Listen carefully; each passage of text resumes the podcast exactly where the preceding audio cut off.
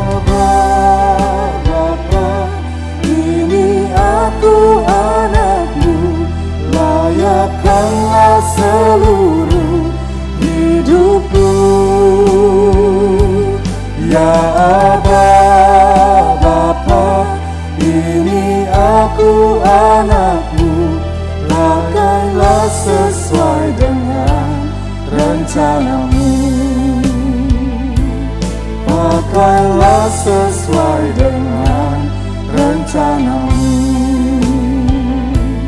色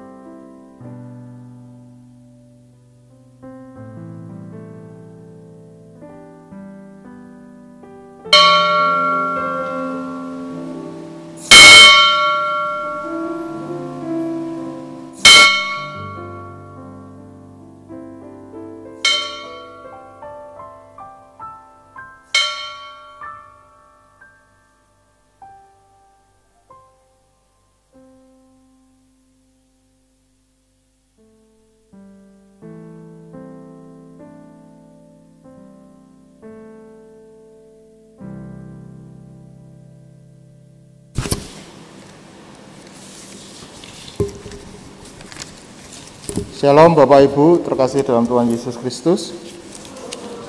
Majelis Jemaat GKI Kejayan menyampaikan selamat datang dan selamat beribadah kepada semua warga jemaat baik yang hadir di ruang ibadah ini atau di ruang Galilea maupun yang mengikuti ibadah live streaming di tempat masing-masing. Majelis Jemaat GKI Kejayan mengucapkan selamat tahun baru Imlek yang akan disampaikan oleh Pendeta Ratna Widyasuti. Mari kita ikuti. Shalom, Bapak Ibu Saudara-saudari terkasih di mana pun berada. Pada kesempatan ini, izinkan saya mewakili majelis jemaat dan juga seluruh rekan pendeta GKI Gejayan mengucapkan Sin Chun Kyong Hee Tiam Ho Tiam Su. Selamat tahun baru masuk musim semi, tambah kebahagiaan, tambah umur panjang. Mengapa selamat tahun baru masuk musim semi? Karena Imlek atau Sinja menjadi tanda berakhirnya musim dingin masuk ke musim semi yang ditandai dengan bermekarannya bunga meihua. Sinja biasanya menjadi saat yang dinantikan oleh setiap orang yang merayakannya. Karena Sinja menjadi kesempatan untuk keluarga berkumpul bersama, untuk keluarga makan bersama, dan biasanya ada satu sesi yang paling dinantikan, yaitu sesi pembagian angpau yang biasanya ini ditunggu-tunggu oleh anak-anak atau cucu-cucu yang belum menikah. Tetapi bagaimana dengan Sinja tahun ini? Walaupun tahun ini kita tidak bisa merayakan Imlek seperti layaknya tahun yang lalu, kita berkumpul bersama keluarga, menikmati makan malam bersama, tetapi tidak usah berkecil hati karena walaupun kita tidak dapat bertemu, kita tidak dapat bertatap muka, kita tidak dapat berkumpul bersama-sama, tetapi kita tetap masih bisa merayakan Sinja dengan saling mendoakan. Orang tua mendoakan anak cucunya, anak cucu mendoakan orang tua, kita bisa saling mendoakan keluarga yang jarang bertemu, kita bisa saling mendoakan keluarga dan sesama yang saat ini sedang mengalami pergumulan. Kita bisa saling menguatkan satu dengan yang lainnya. Saudaraku, sekalipun kita belum tahu apa yang akan terjadi di depan sana, namun mari dengan penuh keyakinan, dengan iman di dalam Tuhan Yesus, kita sambut tahun yang baru ini dengan penuh syukur. Kita sambut tahun yang baru ini dengan optimis dan percaya bahwa tangan Tuhan senantiasa menjaga, melindungi, memelihara, dan memberkati setiap langkah kehidupan kita. Tuhan Yesus memberkati.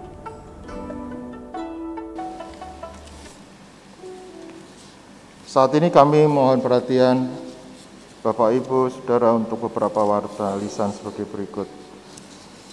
Yang pertama pada hari Rabu tanggal 17 Februari 2021 pukul 6 sore waktu Indonesia bagian Barat, GKI Kejayan akan melayankan ibadah Rabu Abu secara online sebagai tanda dimulainya masa Raya Paskah 2021. Info selengkapnya mengenai ibadah Rabu Abu, Prapaskah, dan rangkaian Paskah dapat dibaca dalam warta jemaat, website, Instagram, maupun Facebook GKI Kejayan.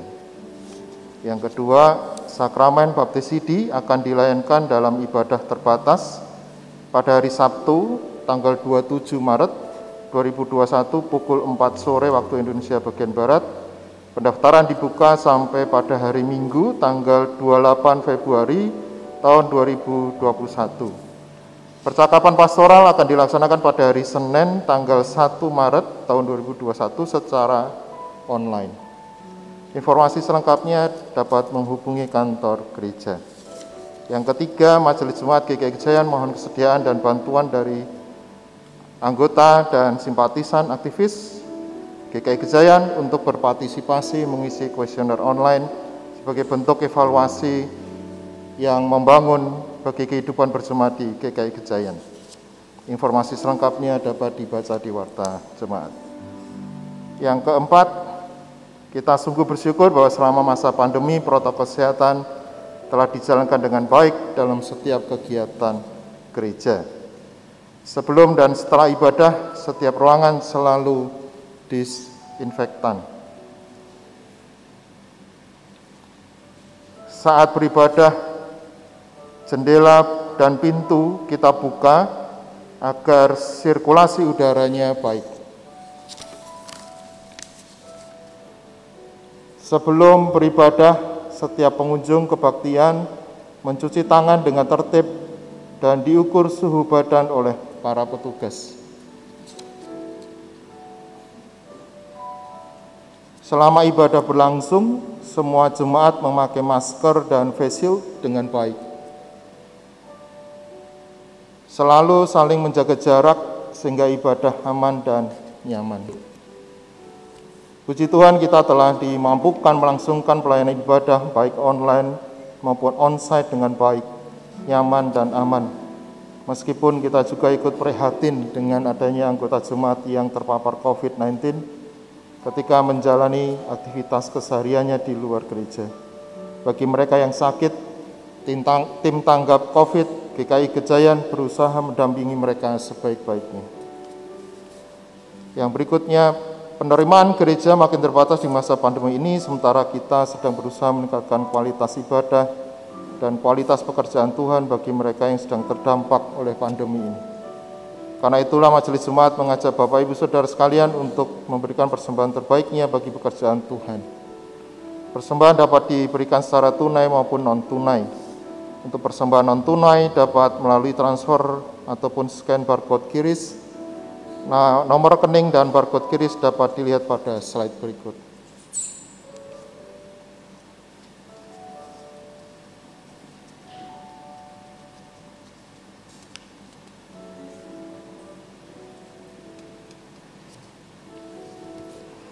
Ibadah pada hari ini dengan tema Tegar Kreatif Ulat Berjuang Bersama Kristus yang Mulia. Pelayan Firman Pendeta Guratan Pamentasing Pragolaisa. Mari Bapak Ibu Saudara terkasih sebelum saat teduh kita saksikan persembahan pujian dari anak Lois dengan judul Yesu Aiwo.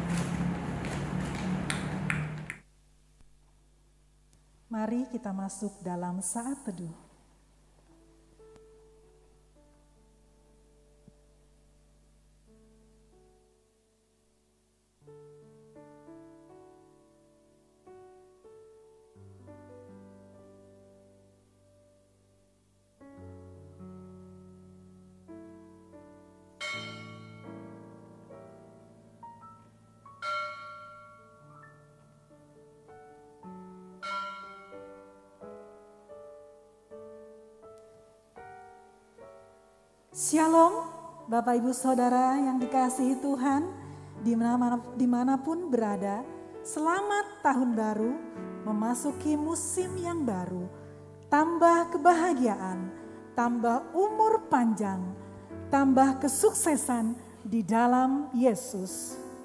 Chao sang hao, xin Nian Kuai Le Tao xin Te Yin Nian Si Wang Chai Yesu Li hậu Te cần Tuo Te xin Fu He Chong cộng Kita sambut tahun baru ini dengan penuh syukur, dengan bangkit berdiri. 让我们感激的迎接新的一年。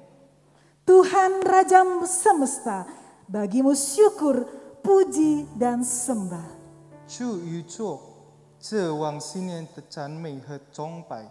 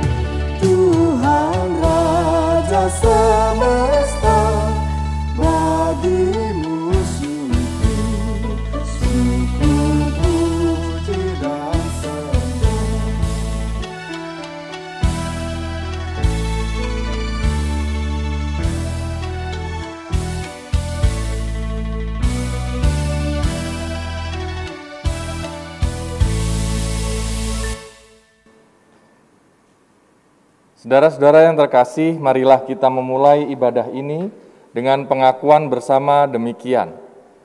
Pertolongan kita adalah di dalam nama Tuhan yang menjadikan langit dan bumi, yang kasih setianya tetap untuk selama-lamanya, yang memelihara umat manusia di tengah pergumulan dan goncangan kehidupan. Amin,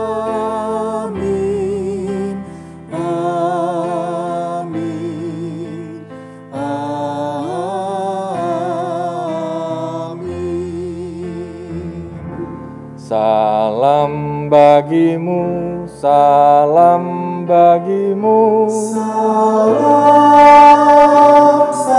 salam, Damai Kristus besertamu.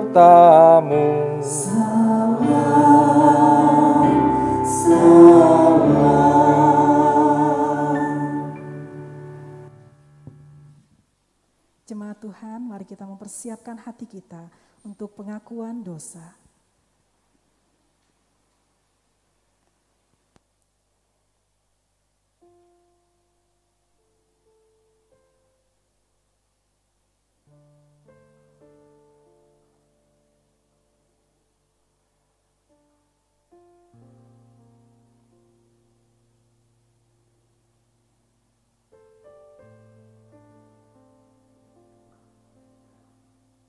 Sungguh kami mengucap syukur Bapa untuk kebaikan-Mu Tuhan. Tuhan Engkau melihat sampai kedalaman hati kami. Engkau mengetahui setiap kesalahan-kesalahan kami. Terima kasih Bapak, Engkau sudah mengampuni setiap dosa kami Tuhan. Dan kami mau berjalan melangkah bersama Engkau Bapak. Di dalam nama Yesus kami berdoa dan mengucap syukur. Amin.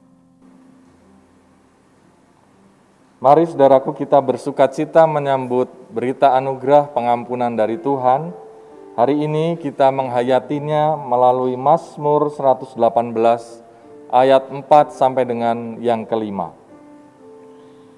Biarlah orang yang takut akan Tuhan berkata, bahwasanya untuk selama-lamanya kasih setianya dalam kesesakan aku telah berseru kepada Tuhan. Tuhan telah menjawab aku dengan memberi kelegaan. Demikianlah berita anugerah dari Tuhan. Syukur kepada Allah. Hati kami bersuka cita karena Tuhan di dalam rumahku. Yesus di dalam rumahku. Cu Yesus Cia Wo Cia Ting Cu. Nyanyikanlah dalam bahasa Indonesia dan bahasa Mandarin.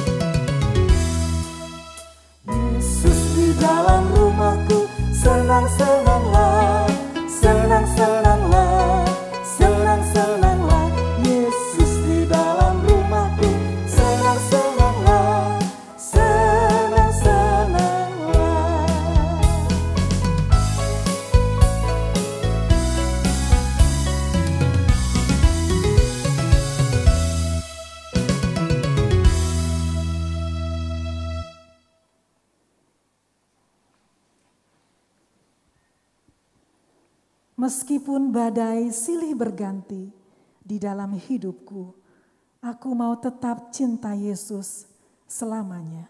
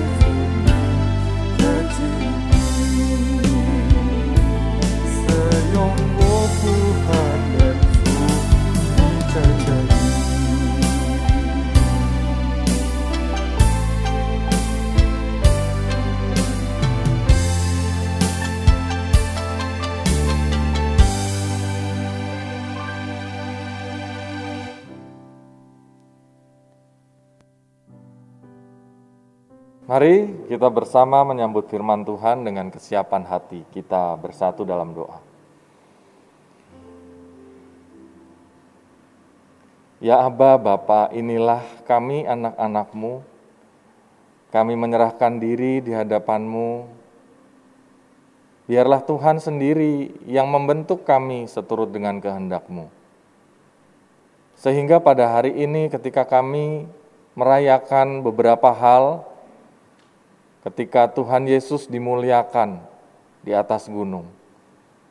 Ketika bangsa kami bersyukur atas tahun baru Imlek, dan pada hari ini juga kami merayakan hari Valentine atau hari kasih sayang.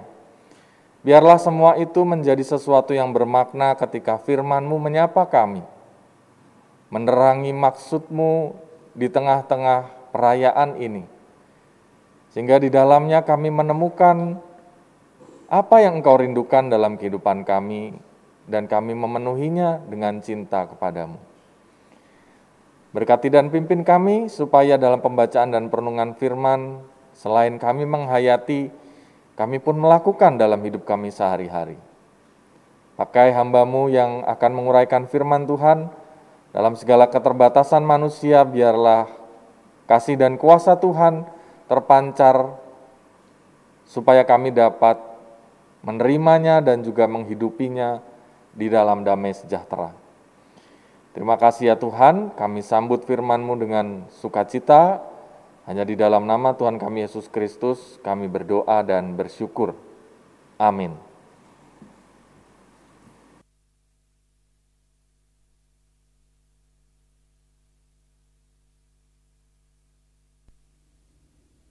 Surat Paulus yang kedua kepada jemaat di Korintus pasal 4 ayat 6 sampai dengan 13.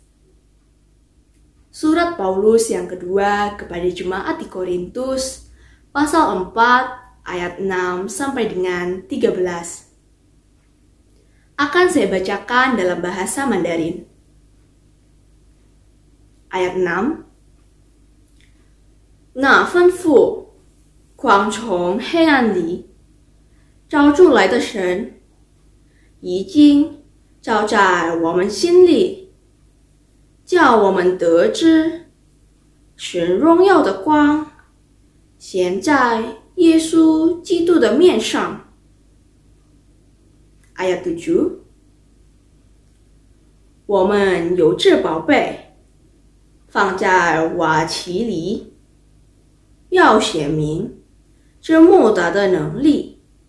是助于神，不是助于我们。Ayat 8，我们四面受敌，却不被困住；心里作难，却不致死亡。Ayat 9，遭逼迫，却不被丢弃。打倒了，却不致死亡。艾茨布鲁身上常带着耶稣的死，使耶稣的生也显明在我们身上。艾茨布拉斯，因为我们是活着的人，是常为耶稣。被交于死地，使耶稣的生在我们之必死的身上显明出来。Ayat dua belas，这样看来，死是在我们身上发动，生却在你们身上发动。Ayat tiga belas。但我们既有信心，诚如情上起着说：“我应信，所以如此说话。”我们也信，所以也说话。Demikianlah sabda Tuhan. Syukur kepada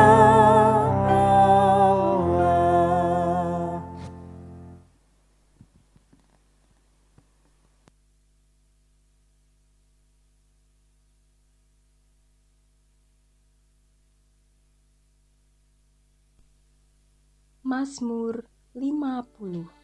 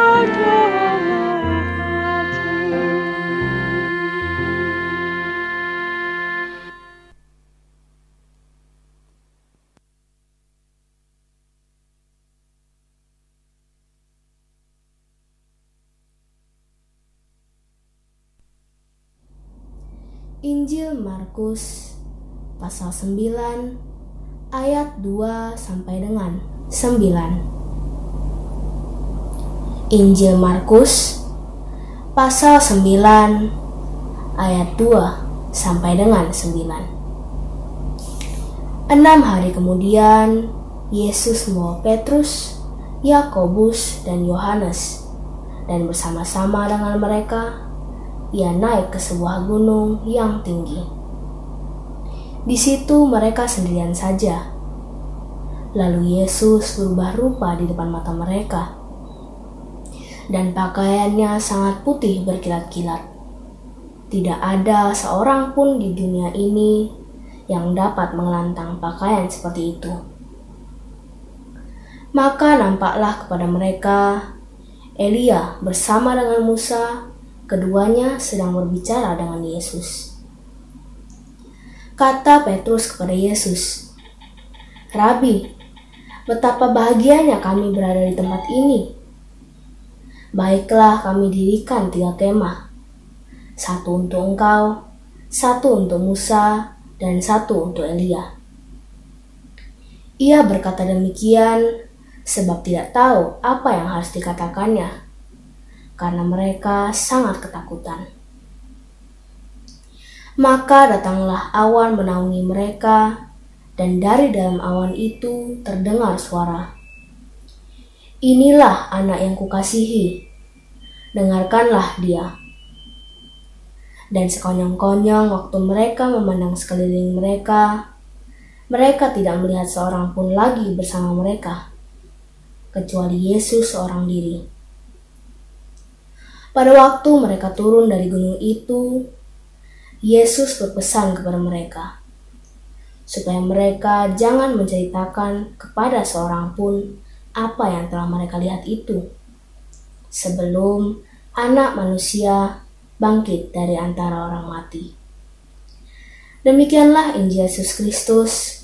Berbahagialah setiap orang yang mendengarkan firman Tuhan, menyimpan dalam hati, dan melakukannya dalam hidup setiap hari. Haleluya. Haleluya, haleluya,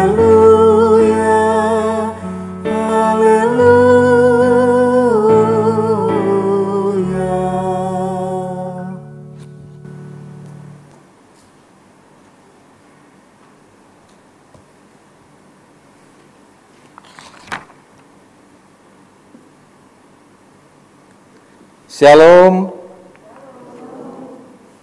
Selamat pagi semuanya. Saudara-saudara, minggu ini menjadi minggu istimewa bagi kita semua sebab kita merayakan dua hal.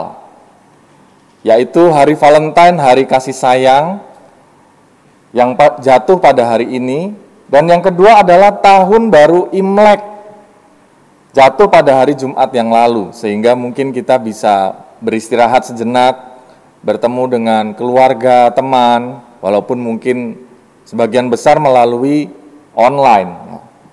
Karenanya saya hendak mengucapkan Sinyen Kuaile Gongsi Fat Chai. Ya. Artinya selamat tahun baru Imlek, semoga kita berbahagia dan hidup makmur. Ya. Kyong Hi, Kyong Hi bagi saudara yang merayakannya. Baik bagi kita yang keturunan etnis Cina, suka makanan Cina, maupun yang HP dan produknya terbuat dari Cina. Begitu kata sebuah status di media sosial. ya.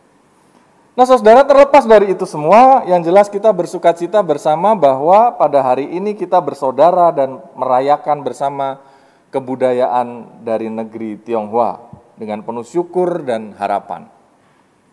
Berbicara tentang perayaan Valentine dan juga perayaan Imlek ini menjadi menarik bahwa pada tahun ini kita melakukannya mungkin dalam bentuk yang berbeda. Bagaimana rasanya? Apakah memuaskan, menyenangkan? Apakah bertemu dengan sanak saudara dan teman melalui jejaring online itu memuaskan? Rasanya sangat berbeda masa Valentine biasanya dengan pasangan.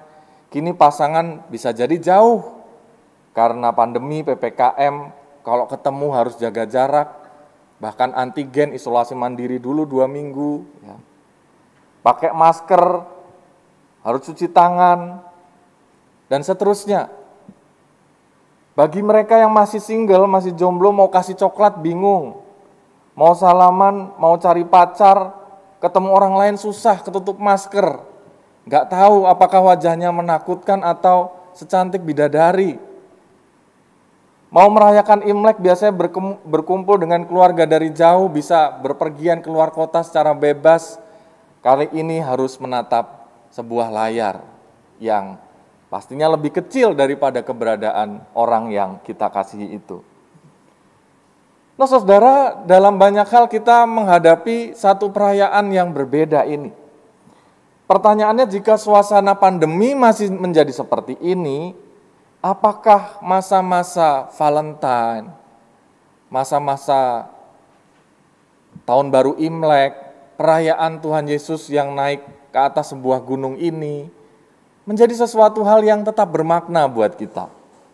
Masihkah hidup kita penuh dengan sukacita dan kemuliaan seperti ucapan yang diungkapkan ketika kita merayakan tahun baru Imlek? Semoga diberkati dengan umur panjang, kebahagiaan, limpah rejeki, dan seterusnya. Itu sebenarnya yang diucapkan ketika kita merayakan tahun baru Imlek.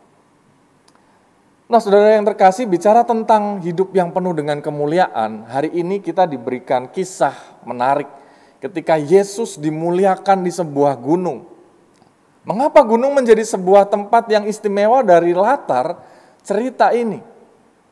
Ternyata kalau kita ingat kisah-kisah di sekolah minggu, itu menggambarkannya kemuliaan itu memang ada di tempat yang tinggi, di sebuah gunung.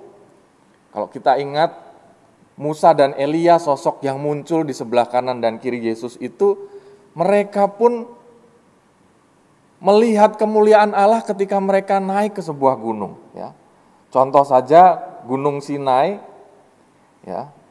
Ketika bangsa Israel atau Musa naik ke Gunung Sinai, ia menerima 10 perintah Allah dari dalam dua loh batu. Lalu ketika Musa naik ke Gunung Nebo, ia menghabiskan waktunya bersama-sama dengan Allah di sisa waktu hidupnya sambil menatap tanah perjanjian karena dia tidak bisa masuk ke sana. ya. Ketika Nabi Elia mencari Tuhan dalam ketakutannya, ketika ia hendak dibunuh oleh bangsa Babel ya. Pada saat itu di sebuah gunung Allah menyapanya. Di gunung Horeb itu Elia diteguhkan untuk tetap melakukan pekerjaan Tuhan, tetap melayani sebab Allah hadir melalui angin sepoi-sepoi yang menyapa dirinya. Artinya Allah begitu dekat dan ia memuliakan segala pekerjaan yang dilakukan oleh Elia. Dalam bacaan kita hari ini, saudara Tuhan Yesus berada di sebuah gunung, tapi ternyata latarnya atau situasinya, settingannya sedikit berbeda. Sebab hari ini Tuhan Yesus naik ke sebuah gunung bersama tiga orang muridnya. Para murid ini akhirnya memang melihat betapa Yesus ini sungguh luar biasa. Dikatakan di sana, ia berubah figur. Ada satu momen transfigurasi, figur yang berubah. Yang mereka lihat sebagai rabi biasa, pada kali ini mereka melihatnya Yesus yang pakaiannya sangat putih berkilat-kilat, tidak ada seorang pun di dunia yang dapat menggelantang pakaiannya seperti itu. Dikelilingi oleh Elia dan Musa yang pernah bertemu dengan Allah di antara nabi-nabi atau tokoh-tokoh yang lain. Ada suara dari sorga, inilah anak yang kukasihi, dengarkanlah dia. Tentunya proklamasi ini menjadi sesuatu hal yang sungguh-sungguh meneguhkan mereka. Tentu saja ketiga murid ini takjub dan mereka seolah merasa terkonfirmasi bahwa di sanalah Tuhan Yesus memang sosok yang besar, yang mulia. Tetapi saudara, yang menarik bahwa ternyata tujuan Yesus mengajak mereka bukan untuk menyaksikan secara kasat mata apa yang terjadi itu semata. Tetapi Yesus mengajak mereka untuk mengubah paradigma mereka. Ketika mereka terkesima dengan pertunjukan atau satu tampilan kemuliaan supranatural, dan mereka ingin mengabadikan momen itu dengan rabi. Betapa bahagianya kami berada di tempat ini. Baiklah kami dirikan tiga kemah. Untuk engkau, untuk Musa, dan untuk Elia. Seolah-olah kemuliaan itu hendak dihentikan, dimiliki, dan berlama-lama merasakannya oleh para murid. Tetapi saudara yang menarik dalam bacaan ini, kita melihat bahwa dalam sekejap mata, sekonyong-konyong, yang yang muncul hanyalah Yesus. Lalu Yesus mengajak mereka turun dari gunung. Kemudian Yesus berkata, "Jangan engkau memberitakan hal ini sebelum nanti anak manusia akan mati dan bangkit kembali." Nah, saudara yang dikasih Tuhan, apa sih arti dari pembahasan ini sebenarnya? Kita bisa melihat bahwa ketika para murid hendak berhenti pada kemuliaan di atas gunung, Yesus justru mengajak mereka untuk move on. Yesus mengajak mereka melanjutkan kemuliaan itu bukan hanya yang kasat mata yang ada di atas gunung, tetapi juga ada di bawah gunung. Ajakan ini seolah ia ingin mengajak mereka untuk melihat Yerusalem, tempat di mana ia harus melakukan perjalanan salib jalan derita, jalan pengorbanan. Di bawah gunung itulah Yesus menunjukkan ketegaran menanggung deritanya, keuletannya melayani yang susah, perjuangannya membagikan cinta kasih sebagai panggilan mulia dari Allah. Seolah-olah apa yang ditunjukkan secara supranatural itu sebenarnya hanya untuk meneguhkan panggilan Yesus yang ada di bawah gunung. Nah dengan demikian pada akhirnya kita melihat bahwa kemuliaan itu bukan hanya ada di atas gunung, tetapi juga ada di bawah gunung. Kemuliaan itu bukan hanya ketika, wah kita berhenti saat kita di atas sukses, berlimpah, sehat. Tetapi ternyata kemuliaan itu juga berlanjut saat kita menjalani kehidupan yang sedang ada di bawah. Dan kehidupan saat ini ketika pekerjaan, penghasilan, pembelajaran, kesehatan, berkeluarga kita berada di bawah, maka kehidupan saat ini sebenarnya juga merupakan sebuah panggilan dari Tuhan. Agar kita merasakan bahwa di dalam itu semua sebenarnya Allah sedang mengajak kita untuk mengenakan kacamata baru.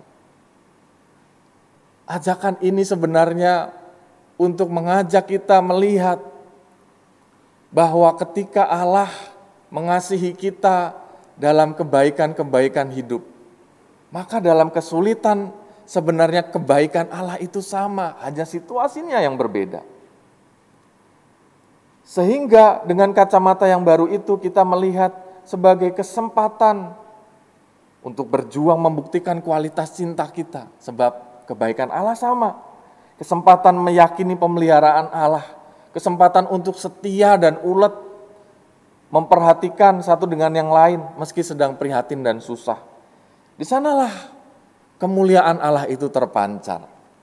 Ketika kemuliaan itu bukan hanya nampak pada ideal-ideal hidup. Tetapi ketika kehidupan tidak nampak seperti yang seharusnya. Nah saudara yang dikasih Tuhan permasalahannya kita sering mensegmentasi hidup kita secara dikotomis. Hidup dengan karir yang sukses, uang yang banyak, harta melimpah, badan sehat, punya pasangan, itu berarti hidup kita penuh berkat Tuhan. Hidup kita mulia, Wah hidup yang susah, pekerjaan gagal, penerimaan menurun, putus asa, putus cinta, jomblo. Ya. Itu artinya hidup kita naas, hidup kita hina, tidak diberkati. Ya. Nah tanpa sadar mentalitas iman kita pun juga terbentuk begitu lemah terhadap kesulitan. Begitu cepat menyerah. Kita tidak menyadari masa-masa sulit adalah masa di mana Tuhan menuntun kita untuk melihat blessing in disguise. Sebuah berkat yang tidak terlihat. Sebuah kemuliaan yang kelak nanti bisa kita lihat. Nah, seperti masa-masa Valentine ini ya, ada satu jokes menarik bagaimana seseorang melihat berkat Tuhan di dalam hidupnya. Dalam satu refleksi berikut ini ya. Valentine's Day orang lain gandeng sama pasangan. Lah gua gandeng tangan sama kaki aja lah nggak apa-apa katanya. Valentine's Day itu hari tangisan para jomblo ya. Jadi menarik daripada uh, apa kalah gitu ya seolah-olah kita nggak eksis. Ya udahlah, apa salahnya gandengan sama kaki sendiri juga nggak masalah kok ya. Gitu aja kok repot ya. Ada juga alternatif memandang Valentine's Day seperti ini ya. Valentine's Day tukeran coklat ya. Sorry nggak level, mending kita tukeran tulang.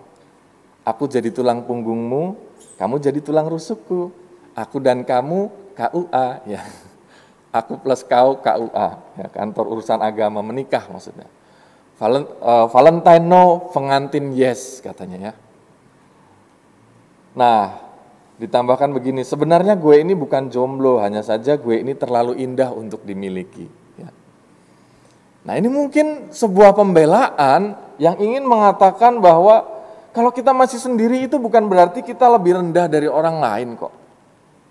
Bisa saja semua Tuhan izinkan agar kita bisa lebih fokus terhadap apa yang sedang Tuhan percayakan saat ini. Dengan apa yang kita kerjakan.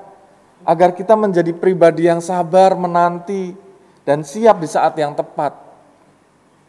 Mengapa kita merasa perlu, mengapa kita merasa dihakimi bahwa orang muda itu harus punya pasangan setiap saat? Kan tidak juga demikian. Dan menikah itu bukanlah sebuah balapan, bukan. Siapa yang cepat, dia yang menang. Ya. Tetapi siapa yang lebih siap, dia yang bahagia. Bukankah demikian? Kalau pekerjaan kita sedang seret, mengapa kita tidak meyakini bahwa ini adalah saat saya lebih percaya saat saya mengandalkan Tuhan, panggilan Tuhan untuk melihat kemuliaannya bukan hanya di atas gunung saat kejayaan-kejayaan yang dulu dan semula. Tetapi panggilan Tuhan untuk melakukan satu perjalanan di bawah gunung. Mensyukurinya, berdamai dengan setiap pergumulan yang terjadi. Dan melihatnya sebagai kemuliaan Tuhan. Dengan demikian saudara kita memiliki mental yang lebih tangguh terhadap kesulitan. Tegar ketika sudah taat pada Tuhan tetapi tidak sesuai harapan. Kreatif ketika ditimpa masalah. Itu artinya Tuhan menyediakan sesuatu yang lain dengan cara yang berbeda juga. Dan akhirnya kita melihat ini semua sebagai sebuah kemuliaan hidup yang Tuhan nyatakan melalui fase yang berbeda. Nah terkait hal ini saudara kita bisa belajar dari tradisi suku Tionghoa yang menarik. Tradisi itu bernama Sacap Meh ya. Nah Sacap Meh ini adalah e, perayaan hari di mana se, e, satu hari sebelum Imlek keluarga itu berkumpul bersama. Mereka akan makan besar dan mewah ya atau makan yang benar-benar e, disiapkan luar biasa sehari sebelumnya. Bahan makanan pun dipilih Rebung itu artinya harapan dan keberuntungan. Ya. Rumput laut hitam kering atau fucai itu artinya kemakmuran. Mi itu panjang umur. Ya. Kenapa kok eh, setiap kali perayaan tertentu dari eh, teman-teman atau saudara-saudara etnis Tionghoa itu makan mie karena artinya panjang umur. Ya.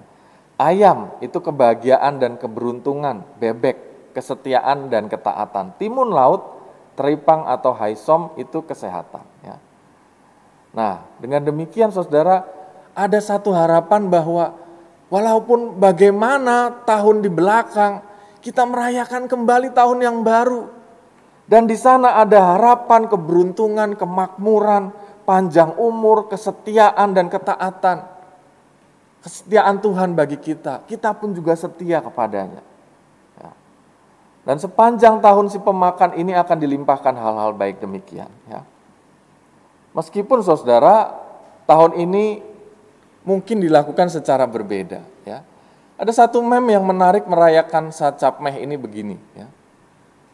Nah, Imlek tahun ini makanannya disiapkan, ya. Kemudian kamera dan juga laptop device-nya itu disediakan di sekelilingnya. Pokoknya mewakili bahwa ya ini makan bersama, tapi diwakili oleh gadgetnya masing-masing yang ditaruh di situ karena nggak bisa berkumpul gitu ya. Nah tetapi saudara, saya kira ini adalah candaan positif. Artinya menggambarkan semangat tetap berkumpul keluarga meski dilakukan secara digital.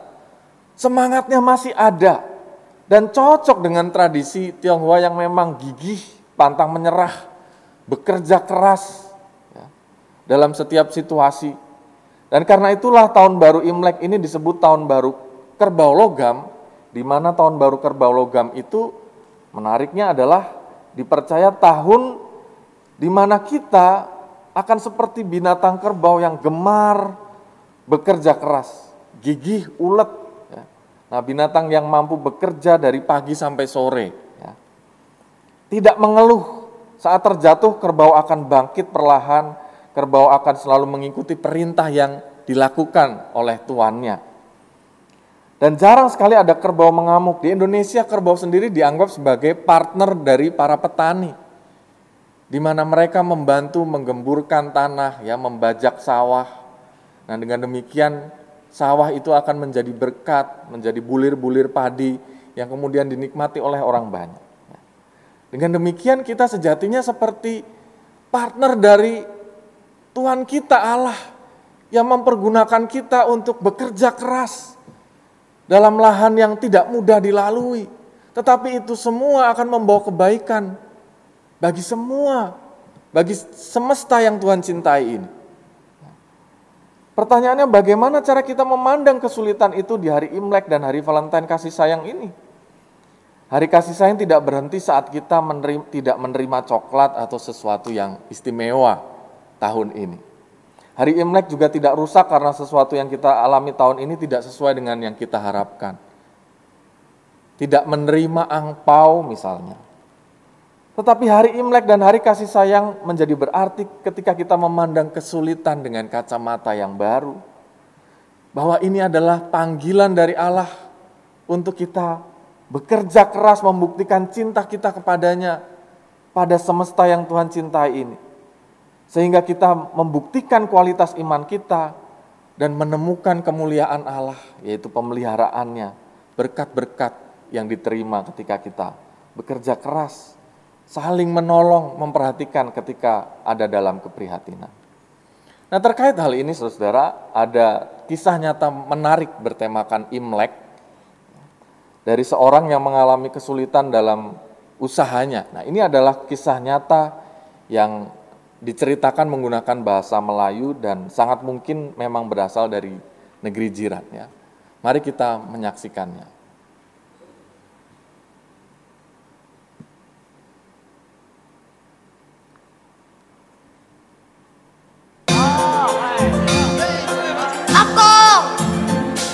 哥，你做咩闺啊？啊，你叫我吗？帅哥，来吃几包。这纳西妈马啊，special。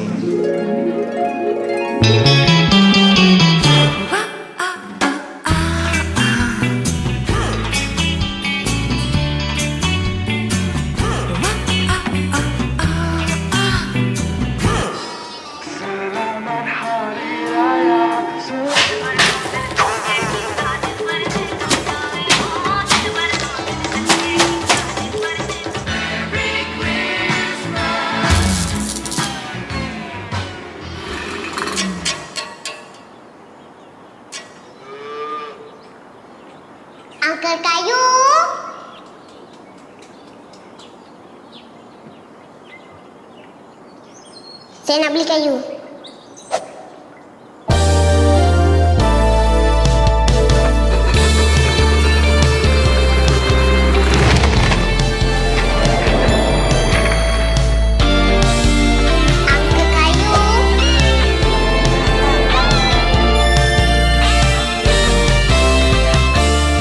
Ah, Leha, lu nak buat apa dengan kayu ini ya?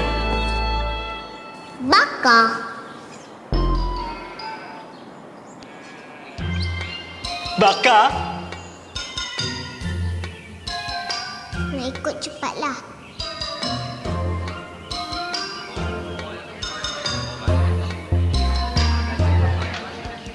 Pakcik, nasi lemak satu. Ah, cik, kurang satu. Kurang satu. Nah. Nasi lemak dah habis.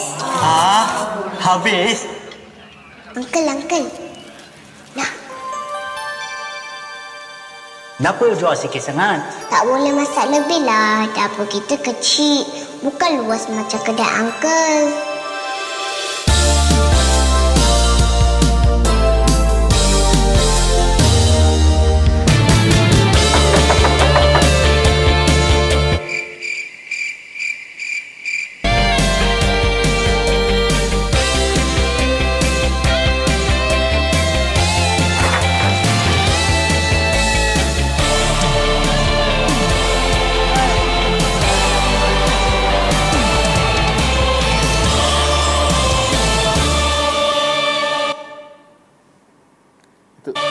masih ada.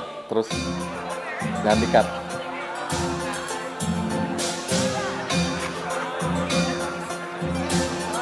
boleh loh angker kayu.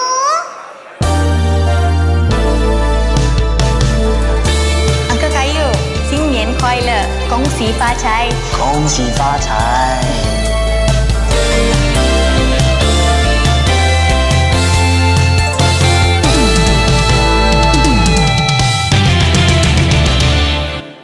Ya, saudara, cerita yang menarik kisah nyata ini mengajarkan kita bahwa ketika si penjual kayu itu bingung, dia ditolong oleh seorang anak kecil yang melarisi barang dagangannya. Ya kemudian terinspirasi melihat kasihan sekali tidak bisa melayani begitu banyak orang, nggak punya tempat yang cukup. Lalu dia berinisiatif menyediakan tempatnya. Nah dengan menyediakan tempat dan tempat memasak yang memadai, tempat para pengunjung bisa makan dengan leluasa. Dia diberkati juga pengunjung yang datang akhirnya bisa melihat mebelnya, membeli, dan pada akhirnya mereka merasakan hidup sejahtera bersama. Di akhir cerita, si penjual nasi lemak, anaknya sudah mengantarkan nasi lemak itu dengan kendaraan ke mana-mana, ya, dan bisa memberi makan uh, saat perayaan Imlek. Nah, saudaraku, ini adalah kisah nyata yang memperlihatkan bahwa keuletan, kesungguhan hati, kreativitas, semangat saling tolong-menolong, memasuki masa-masa yang sulit sebagai panggilan hidup dari Tuhan, akhirnya akan membawa kepada kebaikan, pada kemuliaan. Kuncinya adalah bagaimana kita mengenakan kacamata baru melihat segala pergumulan itu sebagai panggilan Tuhan. Karena itu benar seperti kata pepatah mengatakan bahwa would rather light a candle than curse the darkness. Lebih baik menyalakan lilin daripada mengutuk kegelapan. Kita bisa lihat dalam slide kita ya. Ketika kita berada di dalam kegelapan, sampai berbusa mulut kita mengumpat dan mengutuk, tidak ada perubahan yang terjadi. Tetapi ketika lebih baik kita menyalakan sebatang lilin, menerangi semuanya, ternyata kita pun juga memperoleh terang itu. Dan walau sedikit saja pada akhirnya itu akan menjadi kebaikan untuk sekitar kita. Dan hal seperti ini kita lihat secara real di kisah-kisah di masa-masa pandemi ini. Mungkin saudara pernah mendengar seorang fotografer yang kehilangan eh, pekerjaannya tidak bisa memfoto lagi karena masa-masa pandemi. Ya, coba-coba dia kemudian budidaya ikan di dalam ember ya. Ini di eh, di Kalimantan Selatan di Banjarmasin. Ternyata usahanya ini justru dapat mempekerjakan teman-teman dan tetangganya dan meraih atau meraup keuntungan puluhan juta pada waktu berita ini ditayangkan. Mungkin saat ini sudah lebih ya. dan kita mendengar hal-hal itu juga ketika kita mau melihat dari sisi positif kehidupan bergereja kita, wah kita sekarang terbatas ini, itu, dan seterusnya. Tapi kita bisa mensyukuri bahwa pelayanan digital itu di tengah pandemi ada kok data yang bisa membuat kita positif melihatnya. Sebelum pandemi, akun YouTube-nya ini, akun YouTube gereja itu 2000 subscribers, dan hari ini tadi bukan 11.100 ternyata 11.200 sudah meningkat. Dan pengunjung ibadah secara online per minggu dari data minggu lalu itu 7.000 viewers ya. Artinya jumlah yang kurang lebih sama ketika ibadah onsite masih dilakukan secara penuh. Dan pada akhirnya kita melihat juga dampak-dampak yang lain saudara. Persekutuan online ex eh, aktivis GKI Gejayan dilakukan sudah pertemuan yang ketiga besok Senin adalah yang ketiga. Dipimpin oleh pendeta Paulus Lee dengan tema melangkah iman. Jadi bagi saudara mungkin yang saat ini beribadah dan adalah anggota eh, aktivis, mantan aktivis terdahulu di berbagai tempat di Indonesia, mari kita bersama bergabung. Di sana para alumni menceritakan tentang bagaimana mereka bergumul di dalam pandemi itu dan merasakan berkat-berkat Tuhan blessing in disguise, berkat yang tersembunyi itu. Nah, saudara, saya juga melihat bahwa pelayanan katekisasi awal tahun ini juga menarik. Ya.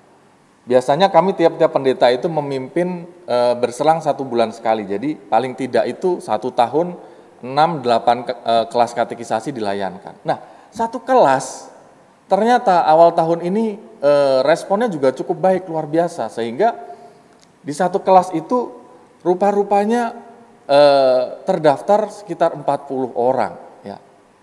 Dan ini sering kali justru lebih banyak daripada perjumpaan secara onsite dan yang mengikuti itu dari berbagai tempat di Indonesia. Bahkan di mancanegara ada yang kali ini mengikutinya dari Jerman juga. Ya. Nah dengan demikian saudara, setelah dihitung-hitung, wah katekisasi kita ini memberkati banyak orang. Kalau di total mungkin sekitar 200 sampai 300 ya dari 6 sampai 8 pertemuan itu dari rata-rata misalnya 40 atau 30 ternyata sebanyak itu setiap tahun itu orang-orang mengenal Yesus. Dan di antaranya itu ada orang-orang baru yang baru mengenal Yesus, mereka melihat di sosial media, mereka melihat ibadah di YouTube, kemudian berkirim pesan kepada uh, admin, pada para pendeta, kemudian memantapkan diri mengenal Kristus. Dan pada akhirnya kita melihat komunikasi utama yang berubah banyak ini, yang menjadi men, uh, komunikasi digital ini juga menjadi peluang yang sangat baik, melayani lebih luas, melayani orang-orang yang berada di berbagai macam tempat. Dengan demikian, bukankah sudah selayaknya kita memandang masa pandemi ini dengan kacamata yang baru? Kesempatan dari Tuhan untuk menyaksikan kemuliaannya dalam perjalanan di bawah gunung.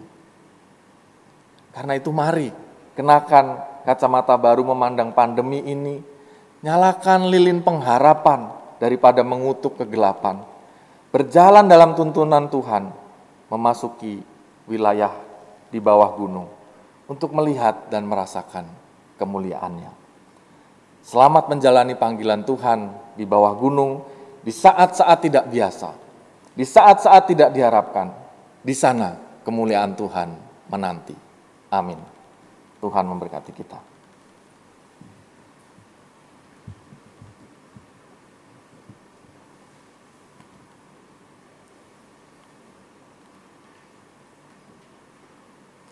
Mari saudaraku kita menaikkan doa sekaligus syafaat kita.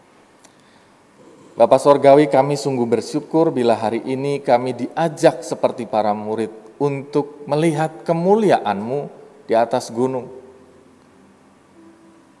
Di sanalah kami melihat betapa kami diberkati oleh-Mu. Dalam hidup yang kami impikan dan harapkan, Engkau memenuhinya. Tetapi Tuhan, perjalanan hidup tidak selalu ada di atas. Seperti ketika engkau dimuliakan di atas gunung, engkau justru turun di bawah gunung. Engkau bersedia untuk bersusah di bawah. Engkau bersedia untuk berpeluh, menahan sakit, cemooh, tetapi engkau tetap melayani engkau tetap bekerja, dan engkau memberi dirimu sampai mati. Tapi justru itu semua menjadi kemuliaan Allah, keselamatan bangsa-bangsa. Karena itu pada hari ini kami percaya ketika kami pun menghadapi perjalanan di bawah gunung itu. Kami percaya bahwa Engkau menyertai kami.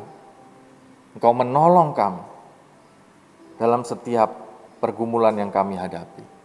Dan Engkau ingin memakai kami agar kami dapat bertolong-tolongan dengan yang lain. Dan melaluinya kami menemukan kemuliaan Allah. Berkatilah kami Tuhan. Kuatkan kami agar kami dapat menatap perjalanan di bawah gunung ini sebagai panggilan mulia dari Tuhan. Sehingga kami tidak bersungut-sungut ketika hidup menjadi susah. Dan tidak menjadi sombong ataupun melupakan Tuhan ketika hidup menjadi baik. Tetapi terus melekat pada Allah. Dan juga memancarkan kemuliaan-Mu dalam setiap masa. Berkatilah kami Tuhan di masa-masa pandemi ini kami berdoa untuk pemerintah kami. Berikan hikmat kebijaksanaan untuk mengelola berkat Tuhan sehingga melaluinya pemerintah dapat melakukan program-program nyata penyebaran vaksin dan penanggulangan atau menyiasati dampak-dampak ekonomi. Dan berkatilah ya Tuhan supaya setiap orang yang menerima vaksin sungguh kemudian menjadi kekebalan massa dan membuat negeri kami semakin pulih, semakin kuat.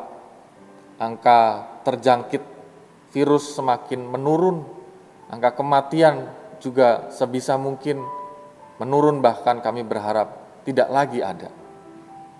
Dan melalui itu semua kami melihat kebaikan-Mu bagi negeri ini. Berkati keluarga kami, berkati kehidupan kami, terkhusus ketika kami pada minggu ini merayakan Hari Raya Imlek dan juga kenaikan Tuhan Yesus bersama dengan Hari Kasih Sayang. Biarlah kami dapat memaknainya bahwa cinta kasih Tuhan selalu ada dalam setiap masa, di atas maupun di bawah. Cinta kasih itu menuntun kami untuk mensyukuri masa-masa tahun baru, masa-masa kasih sayang ini. Dengan gagah berani menjalani setiap tantangan hidup di dalam syukur pada Tuhan. Kami berdoa ya Tuhan untuk kehidupan berkeluarga, berkatilah supaya kami memiliki rejeki yang cukup di tengah-tengah perubahan hidup ini. Biarlah Engkau yang tetap menjaga dan memelihara keluarga kami. Berkati pendidikan dan juga pergaulan kesehatan jiwa, kesehatan tubuh bagi keluarga kami terkhusus anak-anak kami. Mereka yang belajar dapat bertumbuh bersama. Meskipun di dalam situasi yang tidak biasa. Pada akhirnya kami berdoa untuk gereja kami Tuhan. Berkatilah gereja ini dalam setiap tantangannya juga. Gereja yang mau turun gunung, gereja yang mau menjalani setiap panggilan Tuhan dalam situasi yang tidak biasa ini. Tetapi di dalamnya tetap gerejamu diberkati. Di dalam kesulitan-kesulitan termasuk kesulitan pengelolaan keuangan karena situasi yang ada ini. Gerejamu tetap dapat memberkati dan menjadi saluran berkat. Terima kasih ya Allah. Kami serahkan seluruh kehidupan kami ke dalam tanganmu. Pimpinlah dan tolonglah kami dalam setiap masa agar panggilanmu di tengah-tengah perjalanan di bawah gunung ini sungguh menjadi perjalanan yang membawa kebahagiaan meski banyak yang terjadi. Perjalanan yang sungguh memuliakan Tuhan dan menyenangkan hatimu dalam setiap situasi. Yang di dalam Kristus Tuhan kami berdoa dan bersyukur. Amin.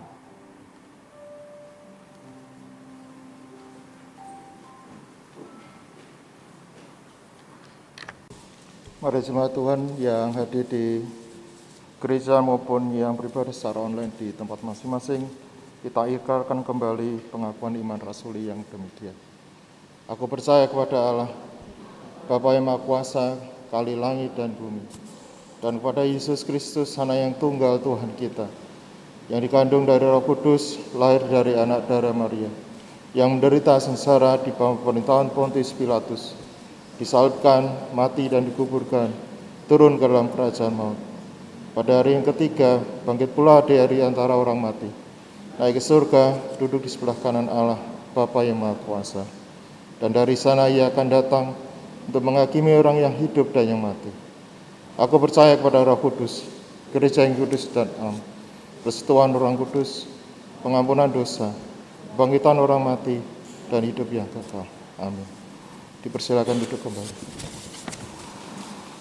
Sebagai bagian dari ibadah dalam kehidupan kita, saat ini diberikan kesempatan untuk menyampaikan persembahan syukur yang didasari dari 1 Tawarik 16 ayat 29.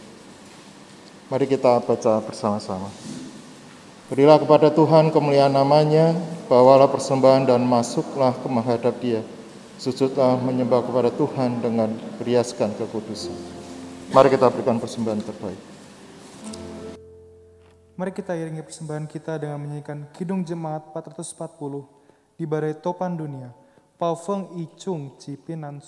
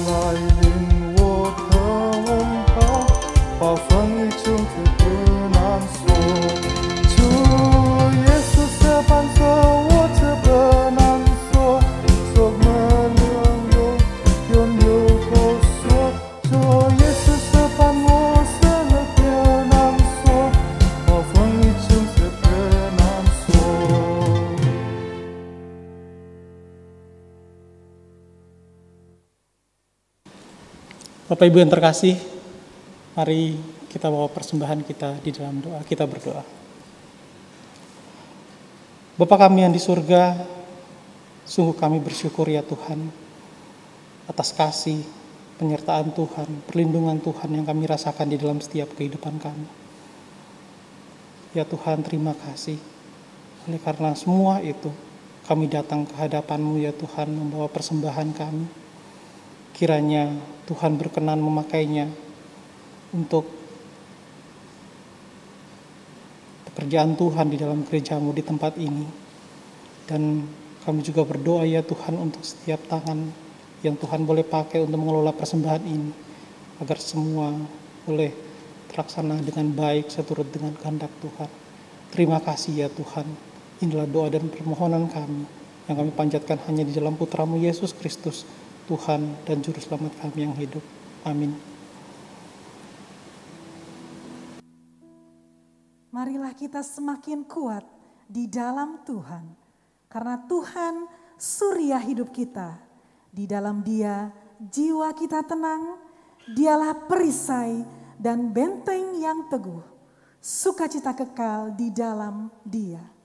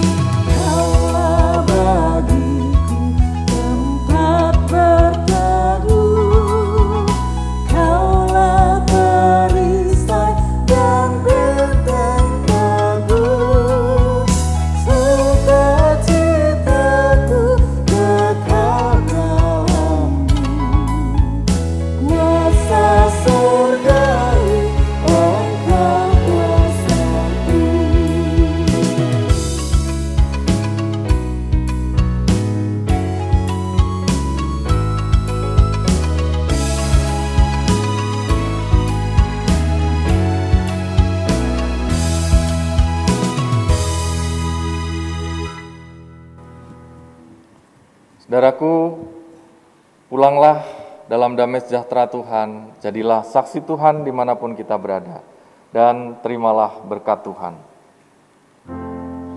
Kasih Tuhan mengiringimu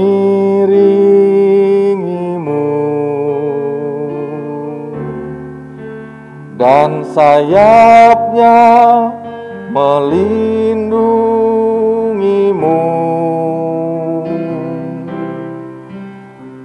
Tangan Tuhan pegang di dalam hidupmu. Majulah dalam terang kasihnya. Tuhan memberkati engkau dan melindungi engkau. Tuhan menyinari engkau dengan wajahnya dan memberi engkau kasih karunia. Tuhan menghadapkan wajahnya kepadamu dan memberi engkau damai sejahtera. Amin.